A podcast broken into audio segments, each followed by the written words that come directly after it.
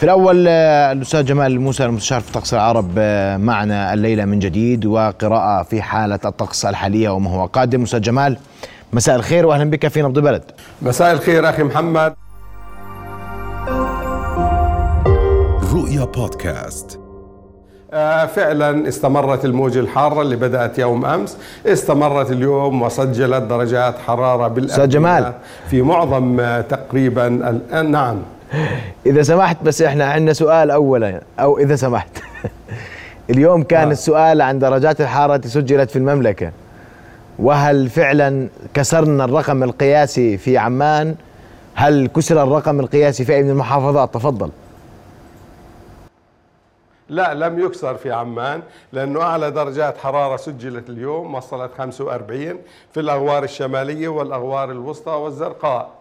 وأيضا في عم في المفرق ومطار الملكة عليا وجرش 44 درجة مئوي لكن في عمان وإربد والكرك وصلت بحدود 43 العقبة وصلت بحدود 42 درجة مئوية لم يكسر أي رقم أو يحطم أي رقم قياسي إنما كانت تقريبا قريبة من الأرقام القياسية وكانت الكتلة شديدة الحرارة ودرجات الحرارة مرتفعة بشكل واضح.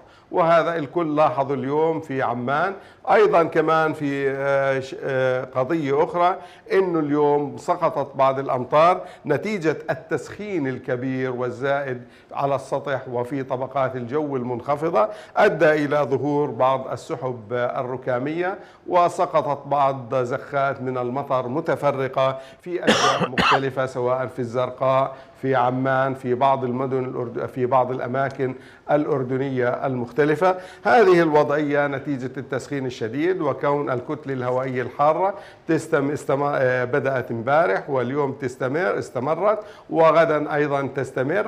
اذا تبقى الأوضاع آه، مهيئة لتكون سحب ركامية أيضا غدا.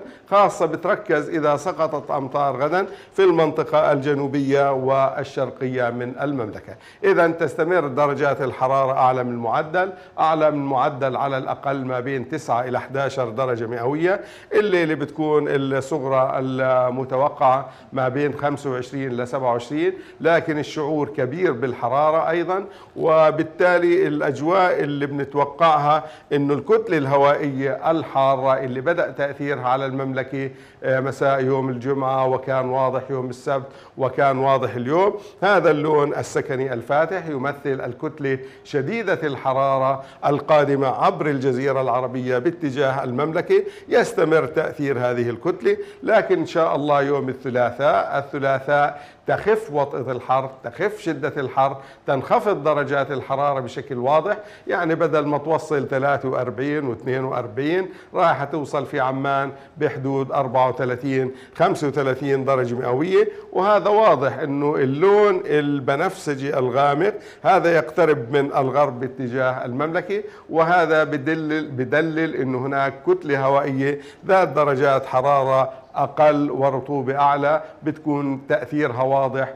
يوم الثلاثاء والأربعاء. فغدا الاثنين بتكون الحرارة العظمى بحدود 40 إلى 42 تقريبا والصغرى بتكون بحدود 24 إلى 27 درجة. لكن الثلاثاء والأربعاء انخفاض واضح تنخفض درجات الحرارة تخف شدة الحر تخف وطأة الحر وبتكون أعلى من المعدل فقط ما بين درجتين إلى ثلاث درجات أو أربع درجات أحيانا. يعني بالنسبة لما شهدناه اليوم وما شهدناه أمس بتكون تقريبا مقبولة إن شاء الله.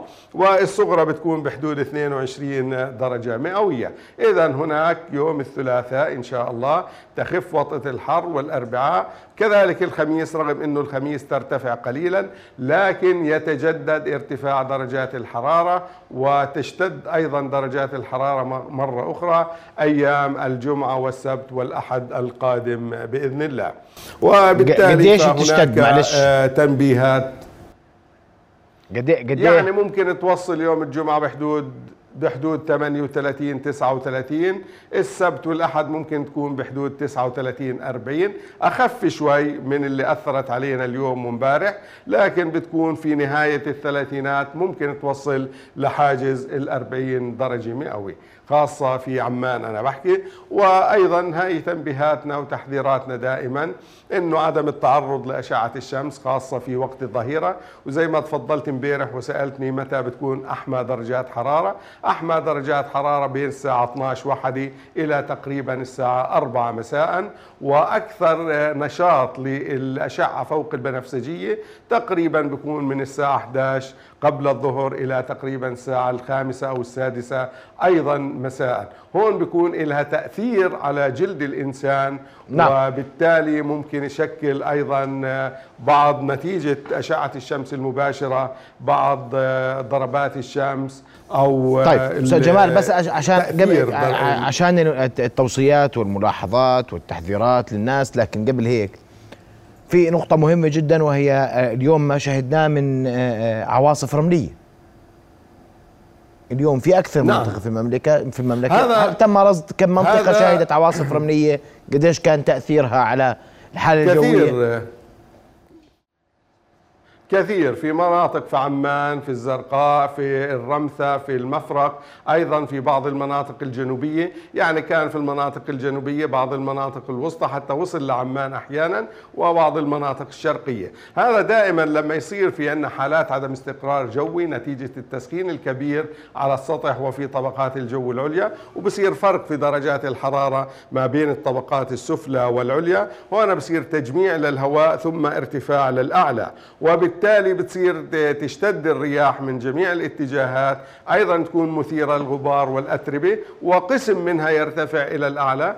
وطبعا لما الهواء يرتفع للأعلى يبرد حتى يصل للإشباع وبعد الإشباع بصير التكاثف بتتشكل السحب وينمو عموديا خاصة نوع السحب الركامية اللي ينتج عن حالات عدم الاستقرار الجوي. عندما ينضج وينضج نموها بتصير آه، يسقط المطر منها وممكن يكون أحيانا مصحوب بالبرق والبرد والرعد. لكن هذا يعتمد على الفرق في درجات الحرارة ما بين طبقات الجو السفلى والعليا. كل ما كان الفرق كبير وأكثر كل ما كانت حالات عدم الاستقرار أشد، لذلك كانت اليوم خفيفة، اقتصر تأثيرها فقط على زخات خفيفة متفرقة، واقتصر أيضا على اشتداد الرياح أحيانا وإثار الغبار والأتربة، وكانت زوابع أدت إلى تدني مدى الرؤية الأفقية بشكل واضح وكبير خاصة في المناطق الصحراوية. طيب بس السؤال دائما أنت ذكرت اليوم أستاذ جمال إنه الثلاثاء والاربعاء خليني أقول رواق شوي. كويس؟ عبارة رواق رواق نعم. آه تخف خف. تخف الخميس تعود. وشدة آه. الحر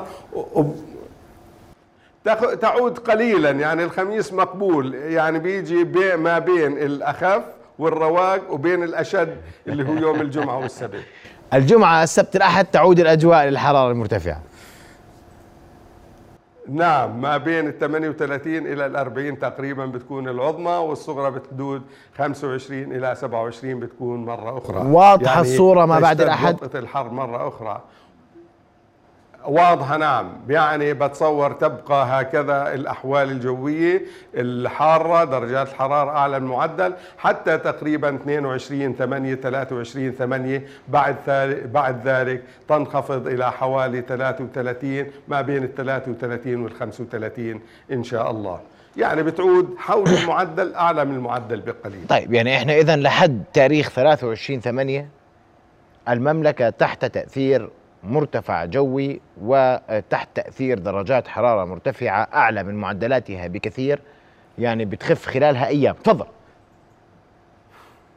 لو سمحت ليس مرتفع جوي هذا في طبقات الجو العليا.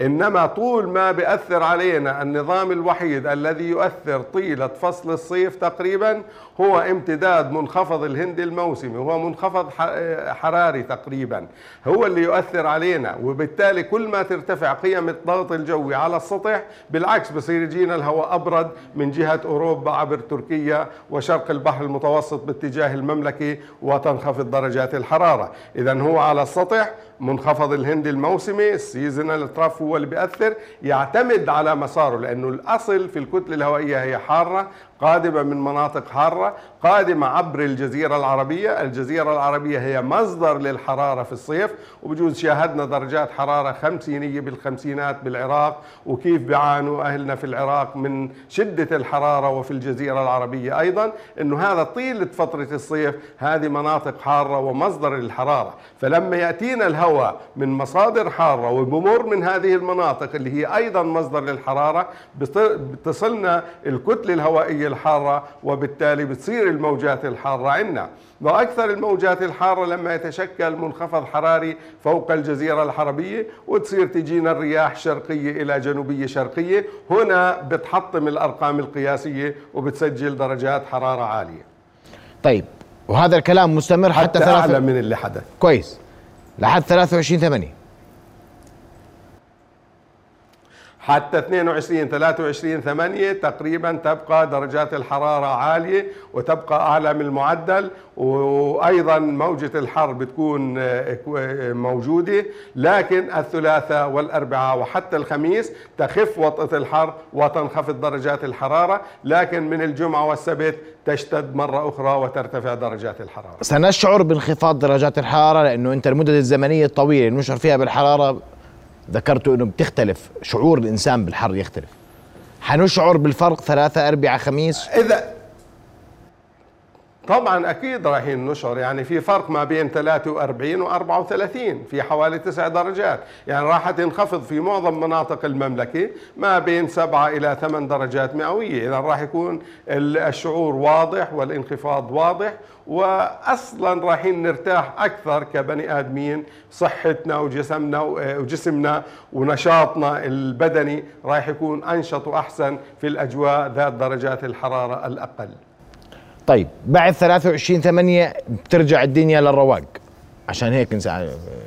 نظلنا على نفس ترجع. للرواق مرة ثانية بترجع يعني زي ما حكيت ما بين 32 33 إلى 35 يعني نسبيا رواق نسبي خلينا نسميه طيب هذا الكلام ليس في الأردن وحده في المنطقة وفي العالم هناك تغير في آه، مستوى درجات الحرارة المسجل هذا الصيف صحيح؟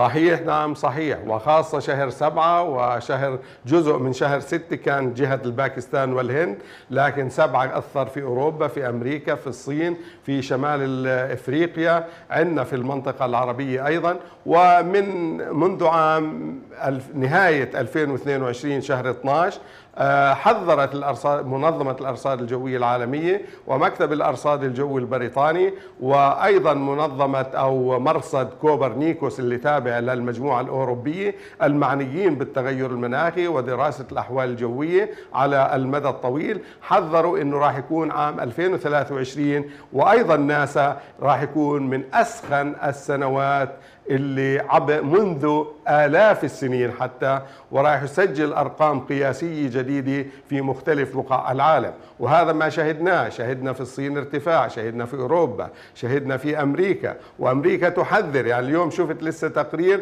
أنه في من شدة الحرارة والجفاف اللي حدث في بعض ولايات متحدة أثر على محصول القطن في تلك الولايات وبالتالي أثر على أسعار القطن وازدادت حوالي 15% إذا العالم كله ترتفع درجة الحرارة وزي ما وصف الأمين العام هو وصف بالغ شوية في الله أنه تصل الكرة الأرضية إلى درجة الغليان أو إلى أنه تكون لاهبة أو درجات الحرارة مرتفعة.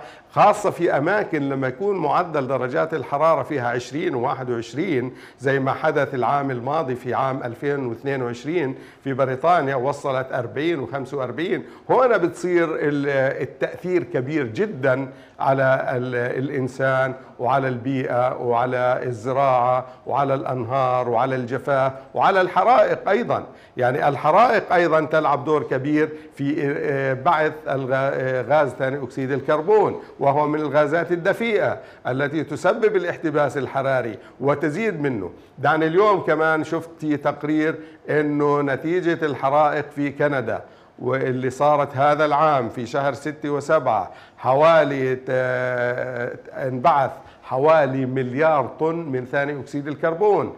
طبعا هذا يعادل ما تقوم به أو أقل يعني حركة الطيران العالمية الطيران كله. أو قطاع النقل الطيران في العالم تقريبا 8 بالعشرة يعني ما بيوصل مليار طن من ثاني أكسيد الكربون. اليابان اللي هي خامس أكبر باعث للغازات الدفيئة ولثاني أكسيد الكربون تقريبا بتطلع مليار واحد بالعشرة طن من ثاني أكسيد الكربون. فتصور حرائق ناتجة من الاحتباس الحراري ناتجة بسبب ارتفاع درجات الحرارة تساهم أيضا في انبعاث غاز ثاني أكسيد الكربون وبالتالي تساهم بزيادة الاحتباس الحراري وبالتالي بتسارع درجات الحرارة أكثر وأكثر وبالتالي تسارع التغيرات المناخية. نعم. بدي أشكرك كل الشكر الأستاذ جمال موسى المستشار في طقس العرب كنت مباشرة معنا من هناك. تحدثت عن الحالة الجوية التي تؤثر على المملكة آه، اليوم وغدا وشكل القادم حتى الثالث والعشرين من آب وما بعده شكرا جزيلا لك أستاذ جمال. شرفتنا بوجودك. شكرا. رؤيا بودكاست.